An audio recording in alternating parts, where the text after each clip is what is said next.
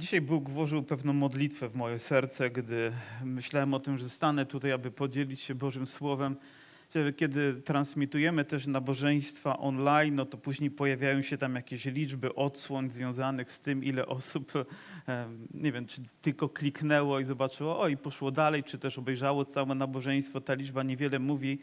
I też e, chyba nie chodzi o to, by liczyć tutaj, ile osób jest na sali. Ja tego nie robię ze względu na to, żeby nie grzeszyć.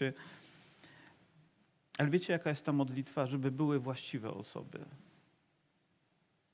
Żeby były to osoby, które dzisiaj staną przed Bogiem z otwartym sercem, aby po prostu posłuchać nie tego nawet, co ja mam do powiedzenia, ale tego, co Jezus ma do powiedzenia poprzez swoje słowo, co przez usta apostoła Pawła włożył gdzieś, chce włożyć też w nasze serca i wkładał też w życie Kościoła, by mógł właściwie funkcjonować. Jestem przekonany, że dzisiejsze słowo jest dobre, ponieważ mówi też o błogosławieństwie, jakim Bóg chce nas darzyć, jak pełen On jest błogosławieństwa dla nas, ale będzie to też bardzo trudne słowo dla niektórych z nas i być może nawet po dzisiejszym dniu ktoś powie, że nie chce już więcej subskrybować naszych nabożeństw, może nie chce oglądać naszych nabożeństw, to może się zdarzyć, ale bez względu na cenę, którą przyjdzie mi zapłacić, chcę powiedzieć to, co mam w sercu i co jest związane z tym, co odkryłem w Bożym Słowie. Ja was zaintrygowałem. Co też ten pastor chce dzisiaj powiedzieć? Zacznę od tego, co dobre, że Bóg jest pełen błogosławieństwa i On chce błogosławić swój Kościół. Wiecie skąd o tym wiem?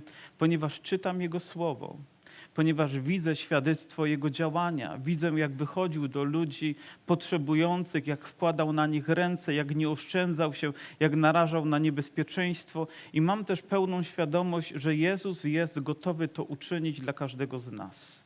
Jest, to, jest gotowy to uczynić dla mnie.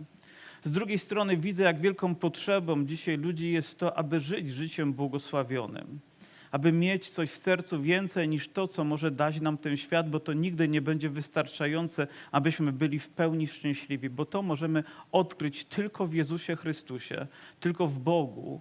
Może to być możliwe i zrealizowane, byśmy poczuli się spełnionymi, pełnymi łaski i miłości ludźmi i po prostu byli szczęśliwymi, nie ze względu na to, co mamy, czy kim jesteśmy, ale ze względu na to, co odkrywamy, gdy przychodzimy do Jezusa Chrystusa. Chwała Bogu za to.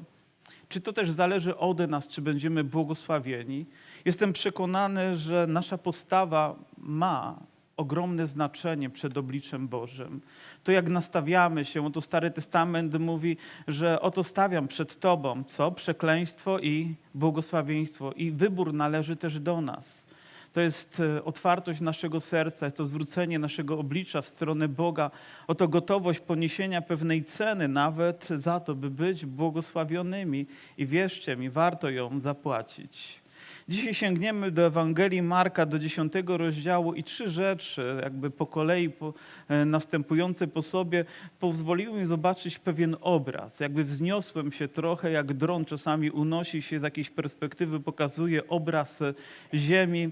To ja tak wzniosłem się, żeby popatrzeć na ten fragment, na te fragmenty z pewnej perspektywy i oto widzę 10 rozdział, który rozpoczyna się od małżeństwa, później przechodzi do dzieci, a później dotyka młodego człowieka. Prawda, że ciekawe, że wszystko dotyka jakby rodziny, tak? Że najpierw jest małżeństwo, później małe dzieci, później dorastamy i każde z, każda z tych rzeczy wymaga właściwej postawy wobec Jezusa. A więc dzisiaj będę dotykał spraw dotyczących małżeństwa, dotyczących naszych rodzin i tego, jak bardzo potrzebujemy być błogosławieni, jak kontrowersyjny nie tylko jest to temat dzisiaj, ale okazuje się, że był nawet 2000 lat temu. I oto czytamy w dziesiątym rozdziale od początku. Wstał i udał się stamtąd w granice Judei oraz na, drog- na drugą stronę Jordanu i znowu schodziły się rzesze do niego, a on je znowu nauczał, jak to miał w zwyczaju. Proszę zwróćcie uwagę, że w tym momencie coś się zmienia, tak? Jakby Pan Jezus obiera kierunek już tylko jeden w stronę Jerozolimy, już tylko w stronę krzyża, w stronę Golgoty. A więc ma to dla niego również pewnie emocjonalne znaczenie i wszystko, co zaczyna się wydarzać po drodze, już nie jest czymś, co możemy w jakikolwiek sposób powiedzieć, o, o tym posłuchamy innym razem.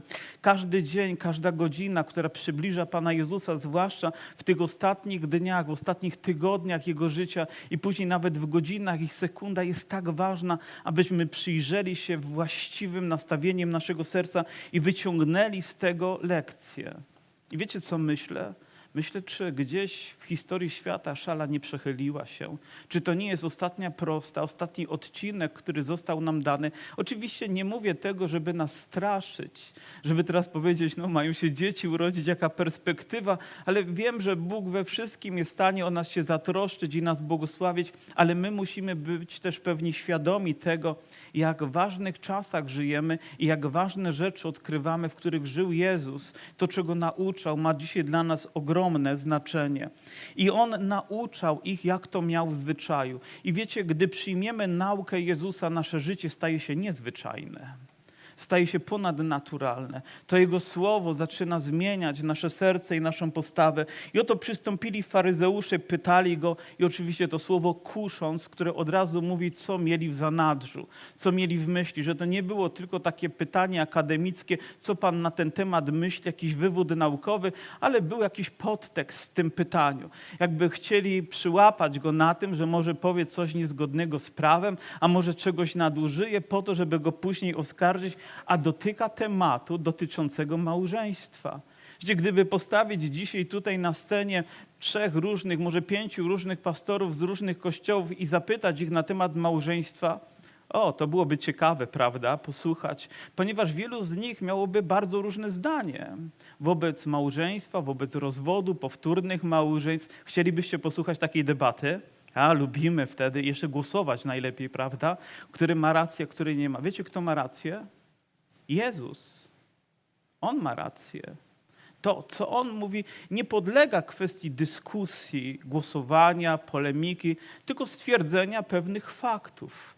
Tak, że tak ma, tak się rzeczy mają. A więc e, kusząc go, czy wolno mężowi rozwieść się z żoną. Nawet nie pytają, czy żonie wolno rozwieść się z mężem, tylko czy mężowi wolno rozwieść się z żoną. Ciekawe pytanie czy wolno to zrobić. A Jezus odpowiadając rzekł im, mówię, powracam do tego, bo temat był dla nich ważny, naprawdę był palący. Jak widać, sprawa rozwodu nie zaczęła się tylko w XX, w XXI wieku. Ona była przez wszystkie pokolenia i była rzeczą bardzo kontrowersyjną i wciąż będzie. I też nie uzurpuję sobie prawa, że mam tutaj absolutne poznanie. Po prostu odnoszę się do Bożego Słowa, odnoszę się do tych praw, choć dotknę też rzeczy, które z tego wynikają, pójdą nieco głębiej i są to też pewne stanowiska, które my też wypracowaliśmy też na Radzie, rozmawiając na ten temat, przypatrując się temu, co się dzieje w świecie i myślę, że to również powinno zabrzmieć jednoznacznie. Brat Rysiu teraz patrzy na mnie bardzo wyraźnie, także widzę, mówi, co ten pastor chce powiedzieć, o czym ja nie powiedziałem, ale wierzę, że powiem to, co też jest i w jego, i w naszych sercach. Um, a on odpowiadając rzekł mi, co wam nakazał Mojżesz? Odnosi się do prawa, które zostało ustanowione, do tego, do czego Żydzi tak chętnie się odnosili, a Jezus im rzekł, a oni, oni na to, Mojżesz pozwolił napisać list rozwodowy i oddalić ją. Prosta sprawa, nie? po prostu kawałek kartki papieru, w zasadzie wtedy pergaminu, trochę jakiegoś atramentu, i ja niżej podpisany oddelegowuję moją żonę z małżeństwa i podpis. I w zasadzie takie jedno stwierdzenie wystarczyło. Później musiało być to w obecności rabina, jakby sytuacja stała się coraz bardziej poważna, poważna, poważna i to Anno Domini roku tego i tego, ja niżej podpisany, syn tego i tego i, i, i jakby ten list rozwodowy stawał się coraz dłuższy, dłuższy, dłuższy i może nawet wyjaśniający, ale wciąż był wystarczający, żeby taki list wręczyć kobiecie i powiedzieć: Wymieniłem zamki w domu, już nie masz prawa wstępu. Nie wiem, jak wielu ludziom by się to podobało dzisiaj, gdyby taka forma była przyjęta, ale chcę, żebyście zwrócili uwagę na odpowiedź Jezusa. A Jezus im rzekł: Z powodu zatwardziałości serca waszego napisał wam to przykazanie. Z jakiego powodu? Z powodu waszej niewłaściwej postawy wobec siebie nawzajem, z powodu zatwardziałości waszego serca. Mojżesz napisał, jakby to prawo powstało w kontekście sytuacji, która zaistniała w Izraelu i trzeba było ją jakoś legalistycznie uprawomocnić, wyregulować, dochodzić do czegoś. A więc widzimy, że legalizm rodzi się tam, gdzie serce staje się zatwardziałe, prawda? Bo jeżeli nie będzie miłości, która będzie to we właściwy sposób regulować, to będziemy tworzyć coraz więcej, coraz więcej, coraz więcej praw. Dlaczego musimy mieć prawo, które reguluje ruchem? Dlaczego? Bo brak nam uprzejmości na drodze. Bo lubimy wymuszać, bo lubimy być pierwsi, bo nie szanujemy innych, bo gdyby tak było, to pewnie wciąż bylibyśmy gdzieś w korku na końcu, a my chcemy być pierwsi, oczywiście, i nawet to nadużywamy. A co gdy dotyczy spraw małżeństwa, jakże one są ważne? I oczywiście nie da się, jak wiemy, jedną literą uregulować całą sprawę małżeństwa, ale Pan Jezus mówi, z powodu zatwardziałości waszego serca dochodzi do rozwodów, wypisujecie takie listy, ponieważ brak wam miłości, brak wam szacunku do siebie nawzajem, brak wam tego, co powinno być elementarną rzeczą przyświęcającą każdemu małżeństwu. Amen? Wiecie, nie wybierałem tego fragmentu na dzisiejszy dzień. Nie planowałem sobie o tego i tego dnia, bo dziś jakiś szczególny dzień jest dotyczący miłości i akurat ten fragment mi przypada, ale tak się zdarzyło. Więc może jest to jakieś szczególne słowo, które Bóg chce dzisiaj umieścić w naszych sercach. Aleluja. Ale później chciałbym, żebyśmy czytając poszli dalej, ale sięgniemy też do piątej księgi Mojżeszowej. I oto prawo, które ustanowił Mojżesz brzmiało tak. Jeśli ktoś pojmie kobietę za żonę, a potem zdarzy się, że ona nie znajdzie upodobania w jego oczach, gdyż on odkrył w niej coś odrażającego, to wypisze jej list rozwodowy, wręczy jego i odprawi ją ze swego domu. Straszne słowa, prawda? Jeżeli pojął żonę, ale w trakcie stwierdził, że ma jakąś skazę, a one wychodzą w trakcie małżeństwa, pewne nasze niedoskonałości. Ja na przykład odkryłem, co ukrywała skrupulatnie moja żona przede mną, że nie ma kawałek małego palca. Nie wiem, zdarzyło się, że jako dziecko gdzieś włożyła palec nie tam, gdzie nie potrzeba, został przecięty i nawet groziło, że będzie amputowany, ale jej mama nakazała lekarzowi, że nie ma odcinać tego palca, tylko ma go zszyć, a więc brakuje tylko opuszka. Mówię, gdybym wiedział przed małżeństwem, że masz taką skazę. Ale zaakceptowałem to, bo łaska jest ponad wszystko, miłość jest ponad wszystko, ale oczywiście, że i to było różnie interpretowane. Co znaczy coś odrażającego znajdziemy? Wiecie, że były dwie szkoły rabinistyczne. Jedna mówiła, że tą odrażającą rzeczą było, był grzech niemoralności, a inna szkoła mówiła, że to jest całe spektrum rzeczy dotyczących małżeństwa. Nawet to, że żona źle gotuje, może nie dba o dom należycie, nie sprząta właściwie, może zbyt głośno mówi, albo ma niefajną teściową. Mówi, cokolwiek mogłoby to być, to mogło być powodem, że uznał, po prostu on był interpreta- interpretatorem tego prawa i uznał, że ona jest odrażająca w jakimś aspekcie i może jej wlęczyć rys rozwodowy. Czy to nie jest straszne? Ale czy nie jest to tak bliskie temu, co czyni dzisiaj świat, że z taką łatwością i lekkością ludzie decydują o tym, że ich małżeństwo się zakończy? Ale zobaczcie, co mówi Pan Jezus, ale, ale od początku stworzenia uczynił Bóg mężczyznę i kobietę. A więc sprawa nie sięga tylko e, zakonu, prawa, które zostało ustanowione, ale to, jak Bóg stworzył mężczyznę i stworzył kobietę po to, żeby stanowili jedność, po to, żeby mogli się cieszyć relacjami i po to, żeby mogli spędzić ze sobą całe życie. To jest Boży plan dla małżeństwa. Amen? Wszystko inne wynika z zatwardziałości, wynika z grzechu, wynika z nieprawdziwego, niewłaściwego spojrzenia na Boże Słowo. Ale również chciałbym odnieść się do tego, że są problemy w małżeństwie. Z czego one wynikają? Z naszej niewłaściwej postawy w stronę Boga. Gdybyście do mnie przyszli i powiedzieli, że macie problem małżeński, że jest trudna sytuacja, oczywiście pochylę się, będę z wami płakał, będę ubolewał nad tym, będę się modlić, ale pierwszą rzeczą, którą będę chciał uczynić w waszym życiu, to to, żeby odbudować najpierw waszą relację z Bogiem. Bo zdaję sobie sprawę, że my ludzie mamy tak ograniczone możliwości. Ja nie jestem specjalistą, ja nie jestem psychologiem, nie jestem psychiatrą, nie jestem terapeutą wybitnym. Jestem po prostu kaznodzieją, jestem ewangelistą, jestem pastorem, jestem człowiekiem, który ma w sercu troskę o to, żeby ludzie byli w relacji z Bogiem, a z tego wiem, że możliwe jest wszystko. Jest możliwe przebaczenie, jest możliwe odnowienie, jest możliwe uzdrowienie, jest możliwe zapomnienie o tym, co było, aby, wez, aby wezwać na, na, na piedestał to, co ma być, co Bóg stworzył i chce, żeby zafunkcjonowało w naszym życiu. I to, jeżeli tego elementarnego, elementarnej prawdy zabraknie, to trudno będzie cokolwiek zbudować, a później będę szukał tego, co braterskie, pojednania, miłości, przebaczenia, troski o siebie nawzajem. I mógłbym tak pewnie mówić w nieskończoność, ale proszę zwróćcie też uwagę właściwego porządku. Oto nie tak było od początku. Uczynił Bóg mężczyznę i kogo? I kobietę. Mężczyznę i kobietę. Co znaczy, że Bóg ustanowił, że najpierw będzie, hmm, pastorze, czy masz odwagę to powiedzieć, że najpierw będzie mężczyzna, że on będzie miał tą główną rolę w małżeństwie? Tak, mam odwagę to powiedzieć, że to mężczyzna powinien być głową w małżeństwie.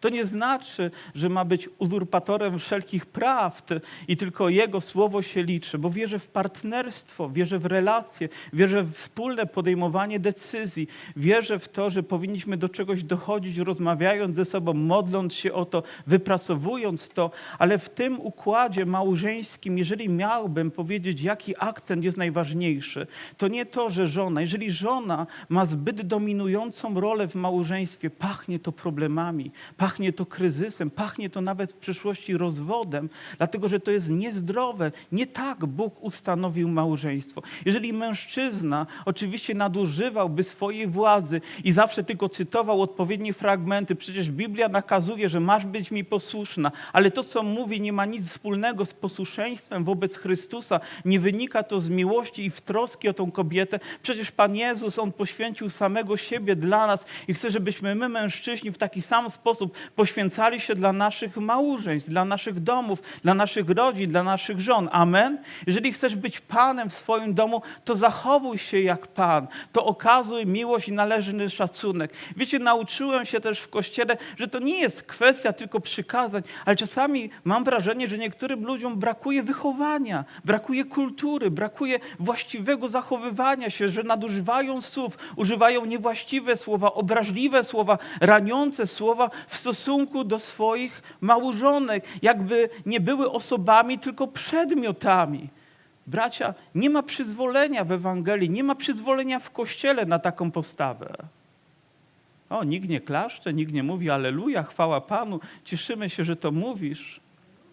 Bo uważam, że tak powinno być. Ale zwróćcie uwagę, nie powiecie Aleluja może w następnym zagadnieniu.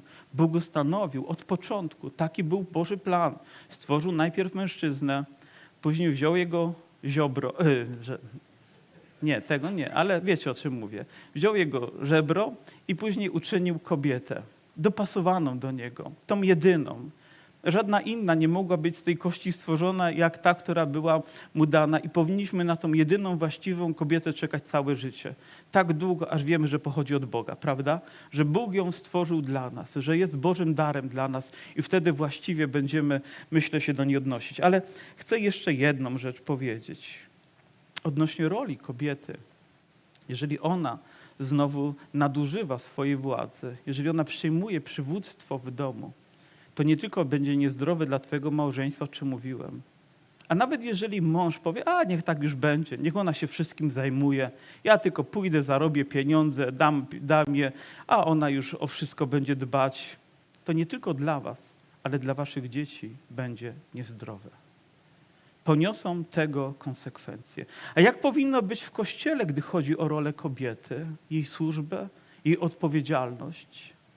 Pójdę nieco dalej i zajrzę też do pewnego fragmentu, który tutaj nie będzie już pewnie tak oklaskiwany, ponieważ mierzymy się z nim również w Kościele dzisiaj, gdy chodzi o rolę kobiety, o ordynowanie kobiet, przywoływanie ich do służby pastorskiej, do przyjmowania przywództwa w Kościele. Te rzeczy są na wyciągnięcie ręki.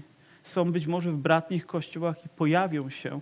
Powiem, I to jest stanowisko nie tylko moje, ale też stanowisko, o którym rozmawialiśmy na Radzie. I nawet jeżeli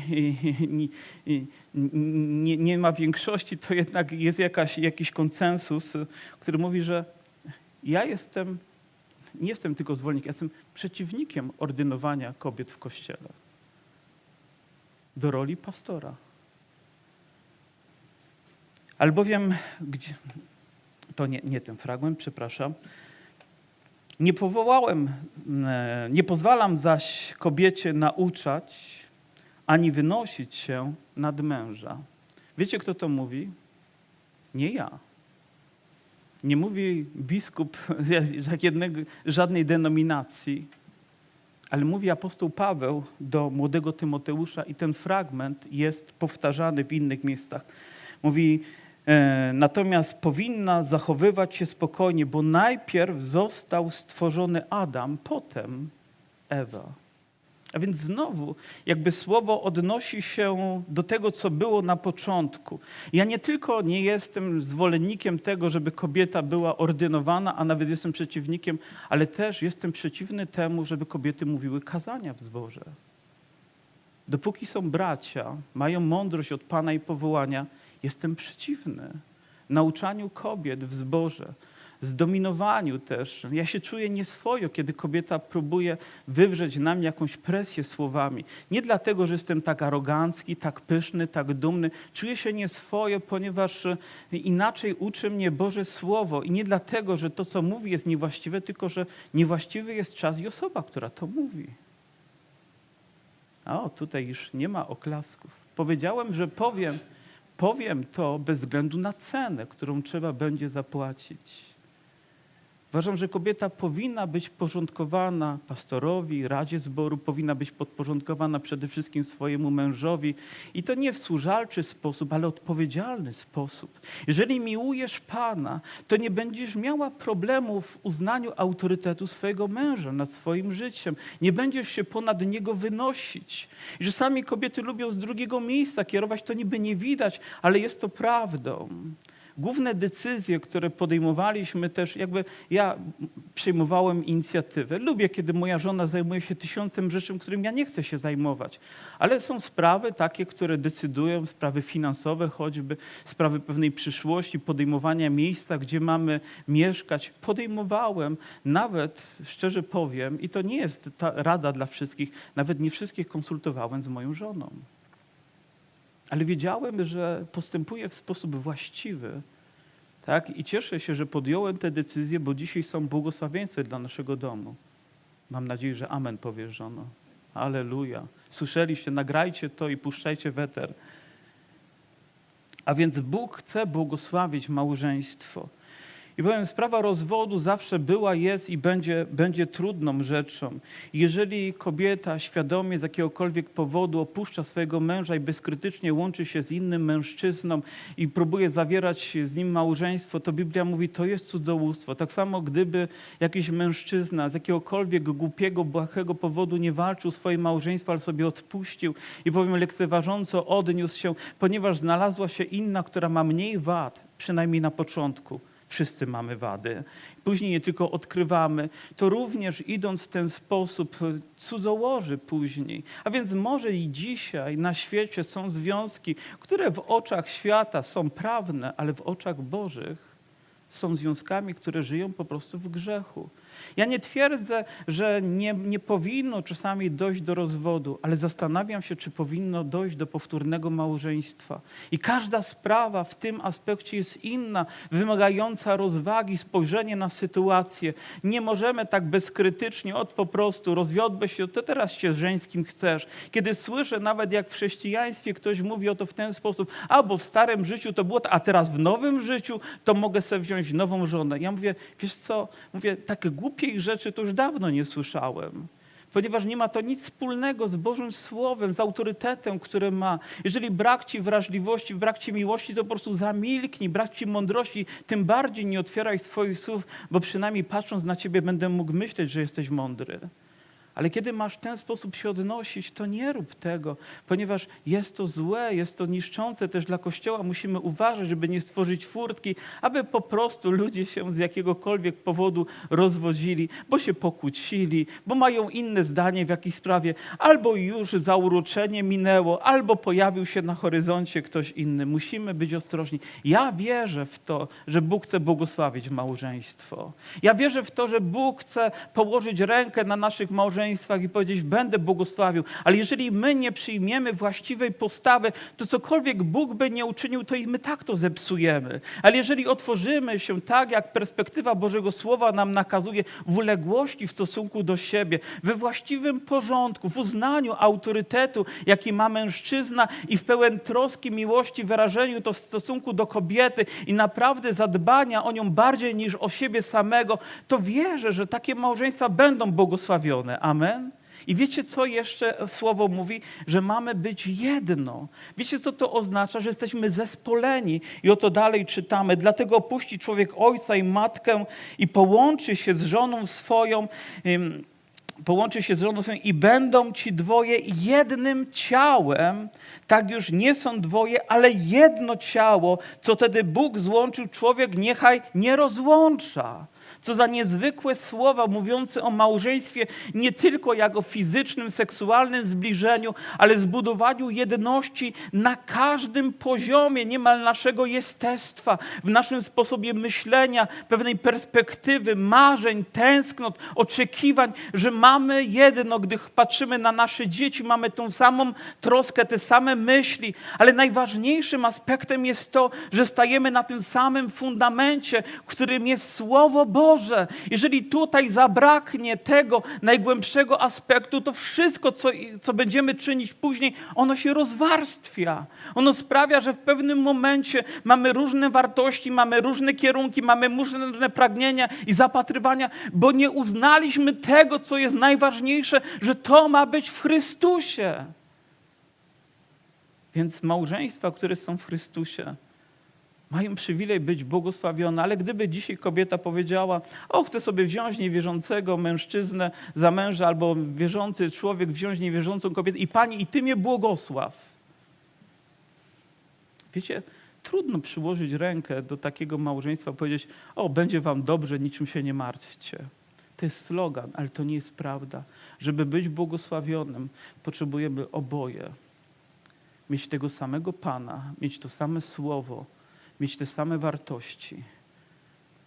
A wtedy wierzę, że każdy krok może być nawet najtrudniejszy, może być największym wyzwaniem, będzie błogosławiony. Tak bardzo tego potrzebujemy. Bóg chce błogosławić małżeństwa, Bóg chce odnawiać małżeństwa i wierzę, że bez Niego nic nie możemy uczynić. Wierzę, że moje małżeństwo trwa nie tylko dlatego, że jestem tak wspaniałym facetem, a pewnie jestem, i ona jest tak wspaniałą kobietą, choć niedoskonałą, ale ze względu na to, że Jezus Chrystus jest naszym Panem że On dawał nam przebaczenie w stosunku do siebie nawzajem, że On sprawiał, że przezwyciężaliśmy jakieś bariery w naszym życiu, pokonywaliśmy je, by iść razem i być tutaj razem i cieszyć się społecznością, jaką mamy z Bogiem i ze sobą i z Wami, moje siostry i moi bracia. Aleluja. Wierzę, że to jest Boży plan. Ja słyszałem kiedyś, jak pewnego człowieka, który 70. rocznicę ślubu miał obchodzić ze swoją żoną, miał ponad 90 lat, zapytano, czy kiedyś myślał o rozwodzie. Pewnie słyszeliście, to już kiedyś opowiadałem. I on taki oburzony mówi: Nigdy! O morderstwie kilka razy. I to prawda, że możemy myśleć o różnych, czasami trudnych rzeczach, ale kiedy mamy Chrystusa, to rozwód będzie tak daleko, że go nie zobaczymy. Będziemy gotowi przezwyciężać każdą trudność. Amen? A więc słyszeliście już kilka rzeczy odnośnie nie tylko małżeństwa, ale też roli mężczyzny, roli kobiety. I będę się tego trzymać, jak kazalnicy. A trzymam się Bożego Słowa, trzymam się tego, co Bóg nam daje. I kiedy jest to nadużywane, ja się czuję nieswojo. Ja nie czuję się we właściwym miejscu, nie czuję się pobłogosławiony. Ja chcę widzieć, jak Boże Słowo jest realizowane w naszym życiu. A później dalej czytamy na temat dzieci i to również piękny obraz i przynosili do niego. O, jeszcze mamy trochę czasu. Ci z dwunastej będą musieli poczekać.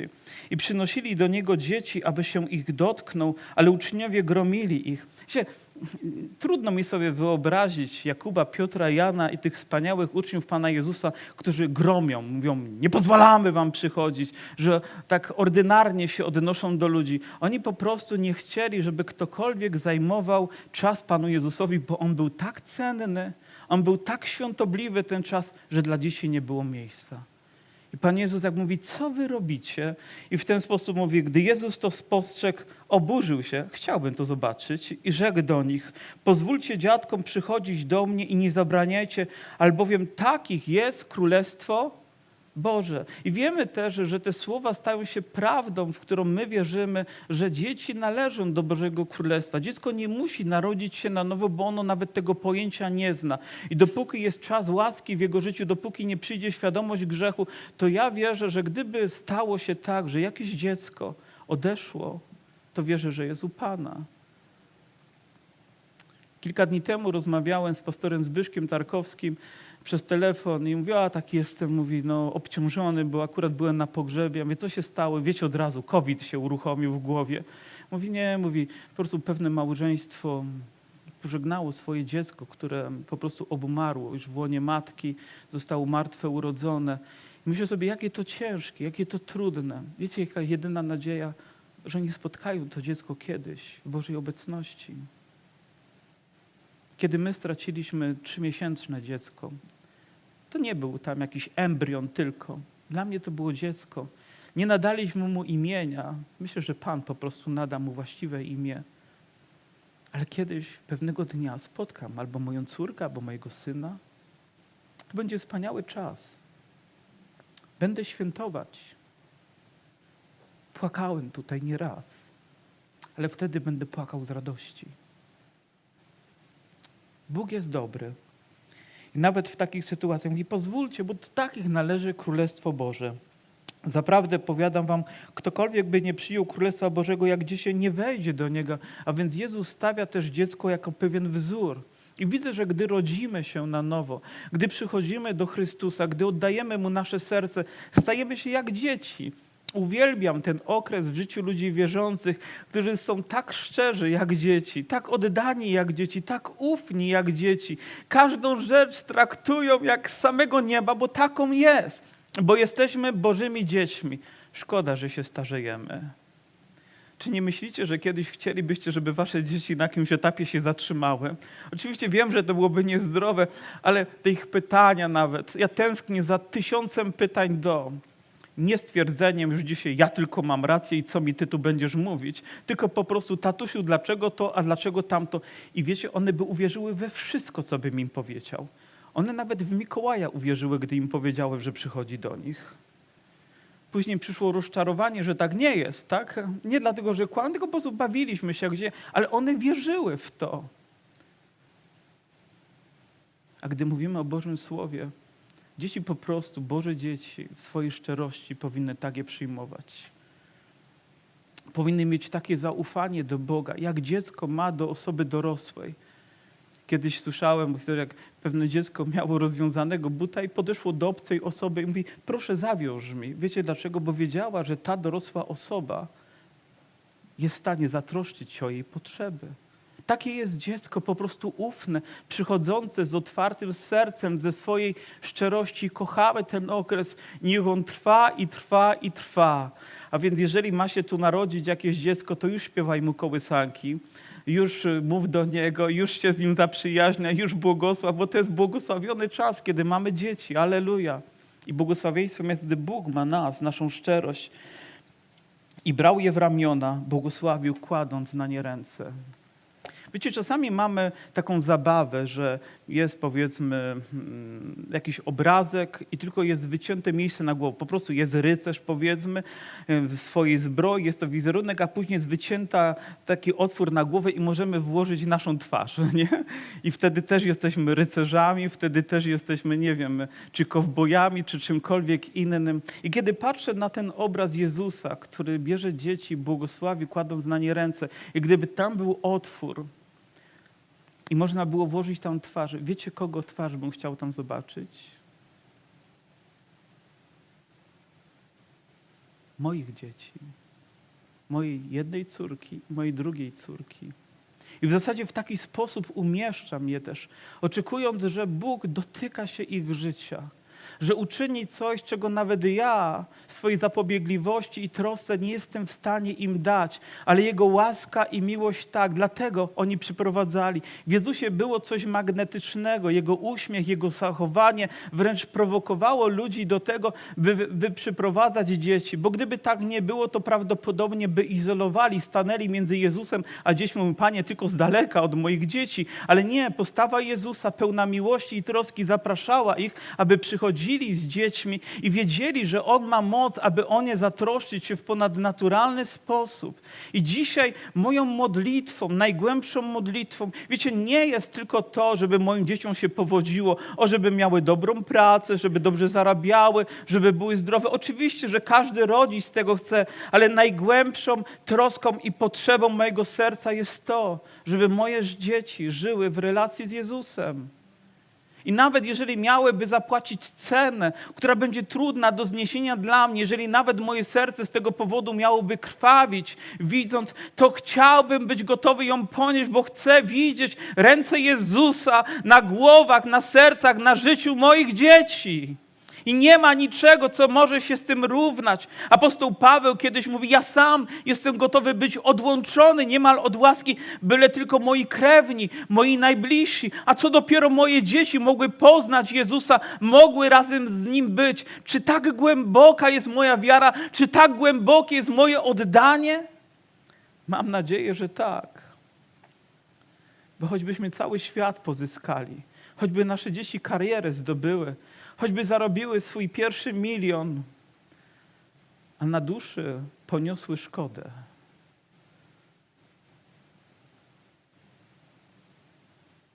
Też trudno myśleć o tym, jak będą wyglądały nasze myśli, gdy przyjdzie nam się z nimi rozstawać na zawsze.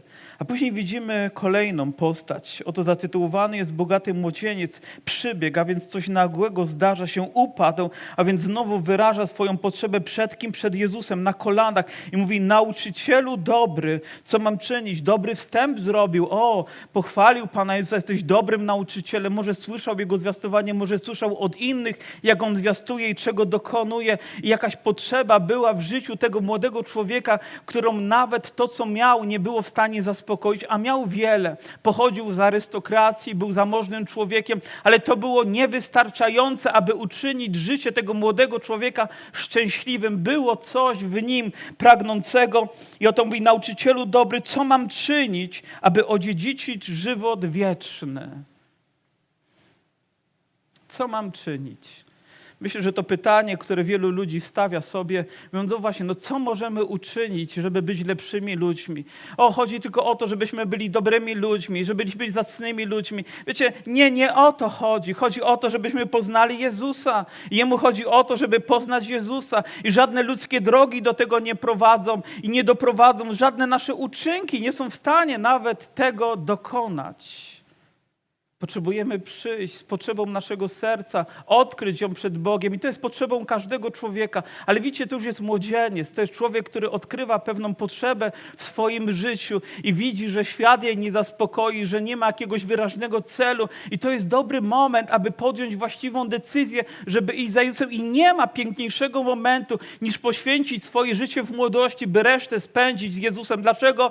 Bo nie zmarnujesz ani jednego dnia, nie zmarnujesz kolejnego tygodnia tygodnia nie złamiesz swojego życia. Jeżeli będziesz z Jezusem, będziesz się Go trzymał, On uczyni Twoje życie prawdziwie błogosławionym. Jedynie czego potrzebuje. I Pan Jezus mówi do niego, mówi, znasz przykazania, Nie zabijaj, nie cudzołóż, nie kradnij, nie mów fałszywego świadectwa, nie oszukuj, czci ojca swego i matkę. A on odpowiedział, nauczycielu, tego wszystkiego przestrzegam od młodości. Wiecie, jakby chrześcijaństwo polegało tylko na tym, czego nie wolno nam robić, żeby się wystrzegać tego i tego i tamtego i innych rzeczy. I być może tak niektórzy nauczają, ale chrześcijaństwo to nie jest tylko to, czego nie robimy, ale to, do czego jesteśmy powołani. To powinniśmy robić. Spełniać te wszystkie rzeczy, do których Chrystus nas powołuje. Tym jest chrześcijaństwo. Czy obarczone jest pewnym ryzykiem? Tak. Pewnymi trudnościami? Tak, oczywiście. I może błędami, które popełnimy? Tak, to jest obarczone, ale mimo wszystko chcemy czynić ze względu na Jezusa.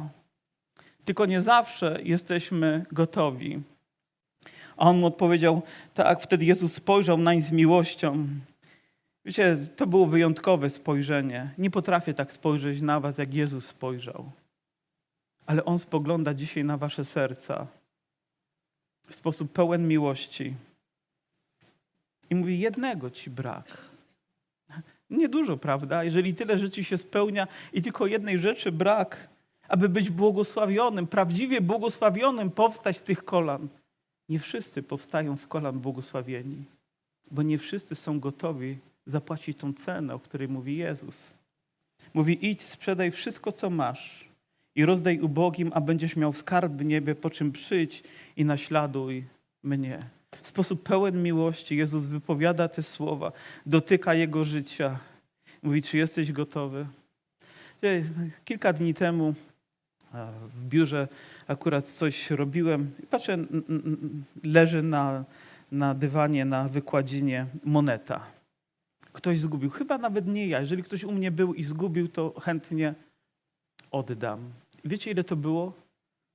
Dwa grosze. Podniosłem tę monetę i mówię, o dwa grosze. I wiecie, co sobie przypomniałem? Historię biblijną. Jak pewna kobieta przyniosła dwa grosze, jakby Bóg chciał powiedzieć, czy ty oddajesz mi wszystko? Patrząc na te dwa grosze, zostawiłem je na parapecie, więc może nie oddam. Niech tam zostaną. Przypomina mi, czy oddaję Bogu wszystko, czy wszystko, gdy przygotowuję się do kazania, czy wszystko, gdy chcę Go uwielbiać, gdy chcę się modlić, gdy chcę dla Niego żyć? Czy robię to tylko dlatego, żeby ludzie uznali, że pewne rzeczy są poprawne w moim życiu i nie podejmuję ryzyka, by coś powiedzieć, by coś uczynić ze względu na Niego? Czy te dwa grosze nie przypominają mi o tym, że Jezus ma moc zatroszczyć się o każdą moją potrzebę?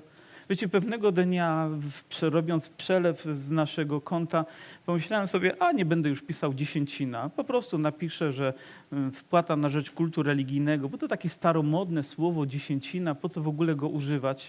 I więc wykasowałem to słowo, co nie oznacza, że nie było to dziesięciną. Przecież Bóg zna moje serce. I pewnego dnia znowu wszedłem, tak, od czasu do czasu wchodzę na konto naszego zbora, żeby sprawdzić, czy, czy, czy dobrze inwestujemy nasze środki. I ktoś napisał, nie, nie, nie, chcę tutaj jakby wywoływać specjalnie jakiejś osoby, ale mówi pierwocina i dziesięcina. I później była suma, nie, nieważna suma, to mogło być nawet dwa grosze. I myślę sobie, poruszyło mnie to. Ktoś może młodszy wierzy, może ktoś mniej dojrzały, ale może miał więcej odwagi, by to zrobić. Boże, to co pierwsze, to co się Tobie należy, jest tutaj. Bóg chce od nas tak niewiele, by dać nam tak wiele. Od Niego. Oczywiście wydawało się, że chce wszystko i, i ten młody człowiek nie był gotowy to uczynić. Mówi, i, i przyjdź i naśladuj mnie, czyli innymi słowy, bądź w gronie najbliższych osób, które są razem ze mną, bądź ze mną, zawsze moja ręka będzie nad Tobą, ja będę Cię prowadzić. I później usłyszałby te piękne słowa, które wypowiedział do apostołów, że będzie z nimi aż do końca i uczyni ich życie pełnymi ducha i chwały, ale zabrakło mu odwagi, żeby oddać to wszystko. Po prostu umiał czynić to, żeby czegoś nie czynić, ale nie umiał czynić tego, co zaangażuje całe jego życie. I wielu z nas pilnuje się, o, żebym tylko nie zgrzeszył. Oczywiście dobrze czynisz. O, żeby nikt mnie nie przyłapał na czymś. O, pewnie dobrze, gdyby cię nie przyłapał. Ale czy o to chodzi w Twoim życiu? Czy to jest błogosławione życie? Czy to czyni cię prawdziwie szczęśliwym? Nie, przyjdź i naśladuj Jezusa, zostawiając wszystko. Jest taka pieśń, która mówi: Wszystko Tobie dziś oddaję, prawda? Ale gdy ją śpiewamy, chyba powinniśmy niektóre słowa przemilczeć i po prostu zaśpiewać może murmurando tą, tą melodię. On mówi, a ten na to słowo spostępniał, odszedł zasmucony, albowiem miał wiele majętności. To nie było błogosławione odejście. Jedyna moja nadzieja w tej historii jest taka, że odnajduję tego młodego człowieka później w Ewangelii. Naprawdę odnajduję go. Ja tak wierzę moim sercem. W którym fragmencie nie powiem wam, ale gdzieś pod koniec i tylko Marek też o tym mówi, coś wyjątkowego się wydarzy i mam nadzieję, że dojdziemy do tego i cofniemy się do tej historii i to zachęci was może, żebyście i inne cykle jakoś znieśli. Ale dzisiaj chciałbym powiedzieć, że Bóg chce błogosławić nasze małżeństwa. Bóg chce błogosławić nasze dzieci. Bóg chce błogosławić młodych ludzi. Bóg chce błogosławić też nasze decyzje, które podejmujemy w pewnym okresie naszego duchowego wzrostu. Jeżeli jej nie podejmiemy, aby pójść całkowicie za Jezusem, oddać Mu całkowicie nasze serce, nie tylko mieć to przekonanie, o tak, jestem religijnie już teraz poprawny, o już jestem ustawiony na wieczność, ale zaangażować całe nasze serce, to nie odczujemy nigdy w pełni tego, co Bóg dla nas przygotował. Potrzebujemy dojrzeć, wyczynić. I by Bóg czynił nasze życie poprzez to błogosławione. I w tym momencie mam plan. Pomodlić się o Was, pomodlić się o siebie. Pochylmy nasze głowy.